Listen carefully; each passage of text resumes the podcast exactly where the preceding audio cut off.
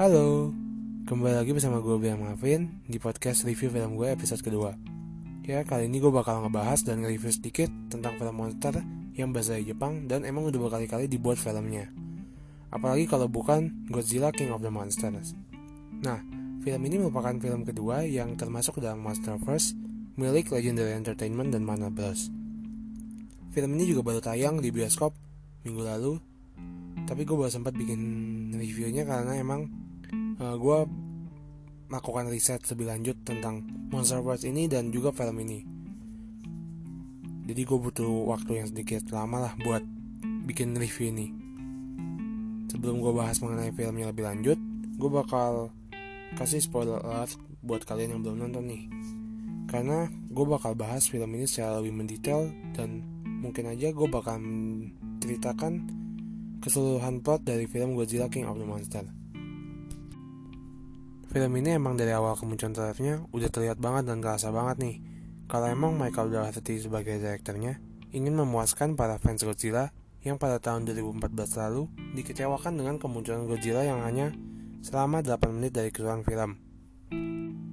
Buat kalian yang belum tahu, Michael Dougherty ini merupakan fans Godzilla garis keras. Dan emang dia tahu betul mungkin ya, apa yang diinginkan oleh fans Godzilla ini dan pada film Godzilla King of the Monster ini para kaiju atau yang disebut dengan Titans pada film ini tidak tanggung-tanggung dihadirkan selama 132 menit olehnya. Film ini juga merupakan persiapan untuk film Godzilla vs Kong yang sudah memasuki fase pre-production dan akan dirilis pada Maret 2020 mendatang. Nah sekarang kita mulai aja bahas plot dan ceritanya nih guys. Ketegangan sudah mulai terasa sejak awal film ketika memperlihatkan seorang ilmuwan yaitu Dr. Emma Russell yang diperankan oleh Vera Farmiga sedang berusaha untuk berkomunikasi dengan sebuah larva monster yang ditemukan oleh Monarch dengan menggunakan sebuah alat yang disebut dengan Orca. Orca ini merupakan sebuah alat yang memancarkan uh, sinyal alfa dan diciptakan oleh dia dan Mark Russell yang diperankan oleh Kyle Chandler. Setelah itu, terjadi penculikan terhadap Emma dan anaknya Madison. Madison ini, dia pernah main di Stranger Things dan memerankan sebagai Eleven.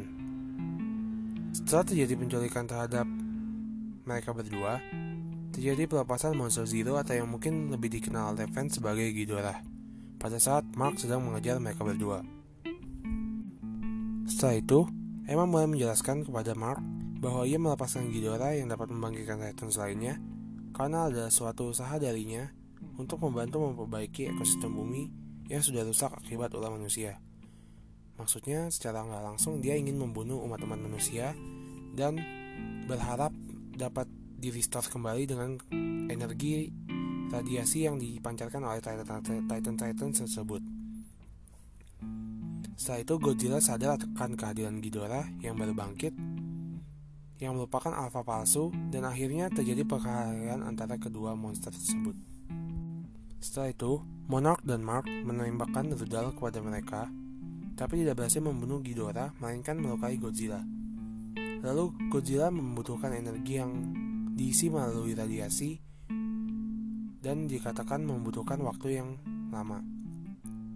Karena harapan hanya berada pada tangan Godzilla, Monarch mencoba mencari tempat tinggal Godzilla dan menembakkan bom nuklir yang dapat mengisi energi dari Godzilla. Karena Godzilla ini emang makannya radiasi guys. Jadi emang radiasinya dia itu kuat banget uh, dan dia di recharge-nya pakai radiasi yang ada di dalam perut bumi. Dengan adanya pengorbanan dari seorang dokter Ishiro Serizawa yang diperankan sama Ken Watanabe ini, Akhirnya, Godzilla dapat bertarung kembali dan dibantu oleh Mothra yang sudah berevolusi menjadi kupu-kupu besar.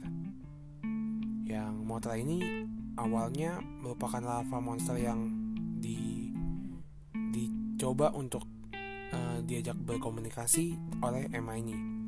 Jadi dia berevolusi menjadi kupu-kupu besar dan melawan Ghidorah dan Rodan yang merupakan pengikut dari Ghidorah.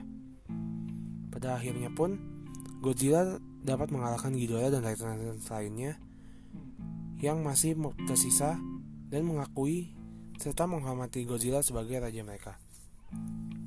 Jadi akhirnya si Godzilla ini uh, menjadi raja-raja dari semua Titans yang tersisa. Kira-kira ada 17 Titans yang bermain di film ini, bukan bermain maksudnya yang ada di film ini yang disebutkan oleh pemerannya gitu loh.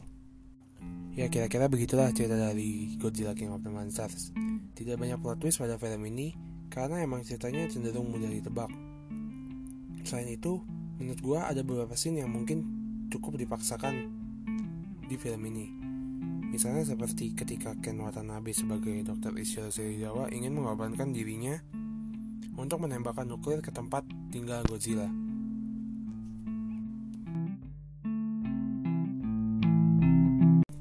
Mereka nggak bisa langsung nih nembakin rudalnya ke tempat Godzilla tinggal. Jadi emang harus ada seseorang yang bawain uh, rudalnya itu ke tempat itu. Nah, yang menurut gue aneh pada sini ini adalah bahwa si dokter Ishiro Serizawa ini langsung mau mengorbankan dirinya untuk membawakan rudal tersebut. Padahal emang dia tahu kalau misalnya itu bisa membahayakan nyawanya. Dan semua orang itu langsung aja setuju bahwa emang dokter Ishiro Serizawa aja yang bawain uh, rudalnya itu ke tempat si Godzilla. Padahal bisa aja uh, si dokter ini memberikan arahannya kepada bawahan dia yang lainnya seperti yang emang udah dia lakukan kepada uh, ala kepada bawahannya itu pada beberapa scene sebelumnya ya walaupun emang pada saat scene menghantarkan nukirnya ini uh, terasa cukup emosional dan mengingat kembali bahwa Dr. Ishiro Serizawa ini sangat percaya kepada Godzilla dan tidak mau membunuh membunuh Godzilla gitu loh dan emang udah terlihat banget dari film Godzilla 2014 lalu. Nah, scene lainnya yang menurut gue sedikit aneh juga adalah pada saat si Madison ini, si anak kecil ini coba membawa dan mengaktifkan Orca buat menarik perhatian dari Ghidorah. Yang gue rasa ini sedikit cukup aneh karena walaupun dia menyukai sejarah dari Titan dan dia uh, pernah melihat bagaimana ibu atau bapaknya mengoperasikan mengoperasikan alat tersebut, tapi bagaimana bisa seorang anak kecil mengaktifkan alat yang pada awal film disebutkan bahwa hanya Mark yaitu ayahnya lah yang benar benar mengerti mengenai hal tersebut. Dan juga adanya karakter manusia pada film ini gua rasa juga dibuat hanya sebagai pemanis belaka dan hanya sebagai media untuk menjelaskan secara lebih mendalam mengenai konflik yang ada pada film ini. Sehingga keberadaan manusia di film ini tidak mendapat highlight yang cukup banyak dan juga karakter development yang didapat dari masing-masing karakter di film ini gua rasa juga kurang baik. Tidak begitu kita ketahui kenapa Emma tidak menginginkan desain untuk bertemu dengan ayahnya.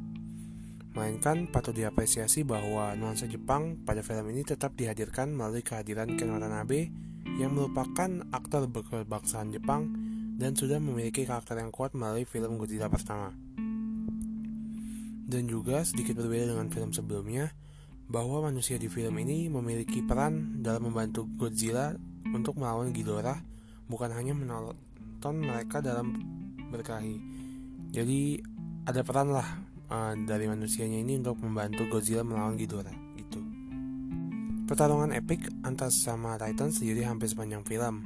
Ada dua babak pertarungan yang cukup heboh dalam film ini dan membuat para penontonnya dapat merasakan bahwa mereka sedang berada di lokasi pertempuran melalui pergerakan kamera yang bergerak sangat cepat dan sangat shaky atau bergetar. Sehingga dengan penyampaian yang seperti itu membuat penonton sedikit kelelahan dalam mengikuti adegan perkelahian di film ini dan juga sedikit kesulitan untuk melihat wajah-wajah dari Titans yang ada gue pun sempat ketiduran satu dua kali karena saat saat scene perkelahian itu gue merasa cukup boring karena dari awal hingga pertengahan itu banyak banget perkelahiannya gitu. Ditambah lagi dengan adanya cahaya yang terlalu terang pada beberapa scene membuat penonton kesulitan dalam melihat scene-scene tersebut. Namun beberapa kekurangan kecil tersebut tertutupi oleh visual yang ditampilkan oleh film ini. Seperti misalnya efek CGI yang benar-benar dibuat rapi dan baik, serta visual efek lainnya yang membuka walau film Hollywood. Mungkin emang film ini mau menonjolkan dari aspek segi visual efek seperti pada film Kong Skull Island. Sudah tidak diragukan lagi, kualitas scoring Warner Bros. yang sudah beberapa kali dapat menghasilkan film dengan nuansa yang cukup dark, seperti misalnya It dan The Dark Knight.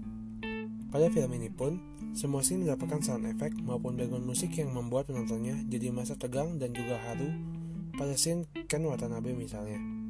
Penggunaan sound effect yang cukup juga membuat film ini terlihat berkelas dengan dukungan suara yang cukup mendukung suasana pada tiap-tiap scene-nya. Seperti misalnya saat scene yang berada di submarine yang tidak menggunakan background musik sama sekali sehingga membuat kesan memang seperti berada di bawah laut yang sunyi dan hampa. Pewarnanya sendiri juga cukup khas ala warna Bros. Warna yang dominan adalah orange dan biru atau yang bahasa kerennya dikenal dengan teal and orange. Hampir dalam semua scene yang gue perhatiin, film ini menggunakan warna merah atau orange dalam keadaan marah atau untuk musuh Godzilla yaitu Ghidorah dan juga Rodan dan biru dalam keadaan yang baik-baik saja seperti saat Mortra pertama kali dipegang oleh Madison dan hampir saja keseluruhan bagian dari Godzilla menggunakan warna biru. Kalau gradingnya juga berperan sangat penting selain visual effects dan scoring dalam memberikan suasana yang berbeda-beda pada masing-masing scene. Seperti misalnya, suasana di lab yang berwarna biru dominan sehingga menampilkan anggapan futuristik dan juga pewarnaan merah orange yang berada tempat tinggal Godzilla yang membuat kesan seperti suatu tempat purba. Kalau menurut gue, film ini emang cocok banget buat fans-fans Godzilla dan emang menantikan pertarungan yang lama dari Titans-Titans yang ada di film ini. Semua audio visualnya pun dibuat sangat rapi pada film ini. Selain buat para fans Godzilla, film ini emang mungkin dibuat buat para orang-orang yang emang suka suka nonton film gelut aja sih. Kayak sepanjang film itu emang bener-bener uh, perkelahian antar Titans Titans itu. Orang-orang yang juga mungkin suka film bergenre action atau misalnya suka sama monster-monster yang seperti digambarkan di film ini mungkin emang harus banget nonton film ini sih kalau menurut gue mungkin film ini emang lebih mirip sama franchise-nya Transformer kali ya. Karena emang film film Transformer juga lebih kuat di audio visualnya.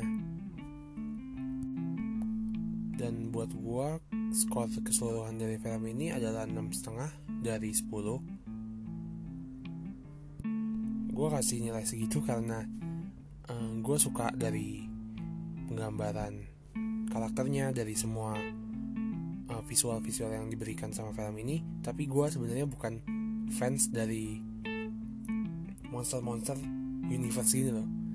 Kayak gue nggak begitu menyukai film yang berbau-bau monster sebenarnya. Ya begitulah kira-kira review gue mengenai film Godzilla King of the Monster. Terima kasih ya udah dengerin dari awal podcast ini sampai akhir sekarang sampai jumpa di podcast-podcast gue berikutnya. Dan bye